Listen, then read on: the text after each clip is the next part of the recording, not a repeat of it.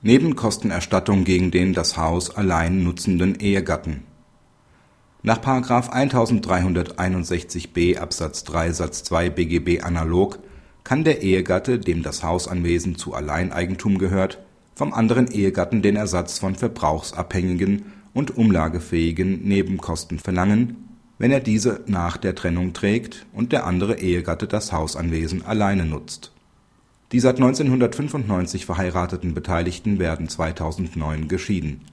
Sie lebten von Januar 2003 bis zur Scheidung getrennt.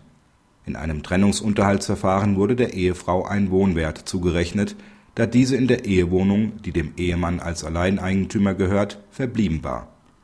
Der Ehemann nimmt die Ehefrau auf Erstattung von für die Ehefrau verauslagten verbrauchsabhängigen Nebenkosten in Anspruch das Landgericht gibt der Klage mit entsprechender Anwendung der § 1361b Absatz 2 und 745 Absatz 2 BGB statt. Das OLG weist die Berufung der Ehefrau zurück.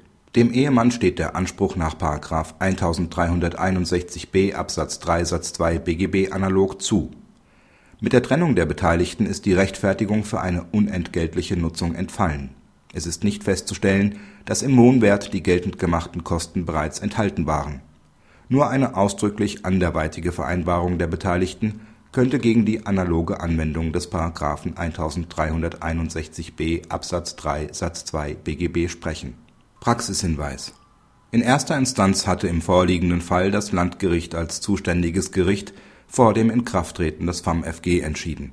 Inzwischen handelt es sich bei Ansprüchen zwischen Ehegatten oder geschiedenen Ehegatten im Regelfall um sonstige Familiensachen im Sinne des § 266 FamFG. Allerdings ist zu beachten, dass bei Familiensachen nach § 266 Absatz 1 Nr. 3 FamFG ein inhaltlicher und zeitlicher Zusammenhang mit der Trennung oder Scheidung notwendig ist. Dieser Zusammenhang ist nach einem Beschluss des Amtsgerichts Holzminden jedenfalls rund fünf Jahre nach rechtskräftiger Scheidung nicht mehr gegeben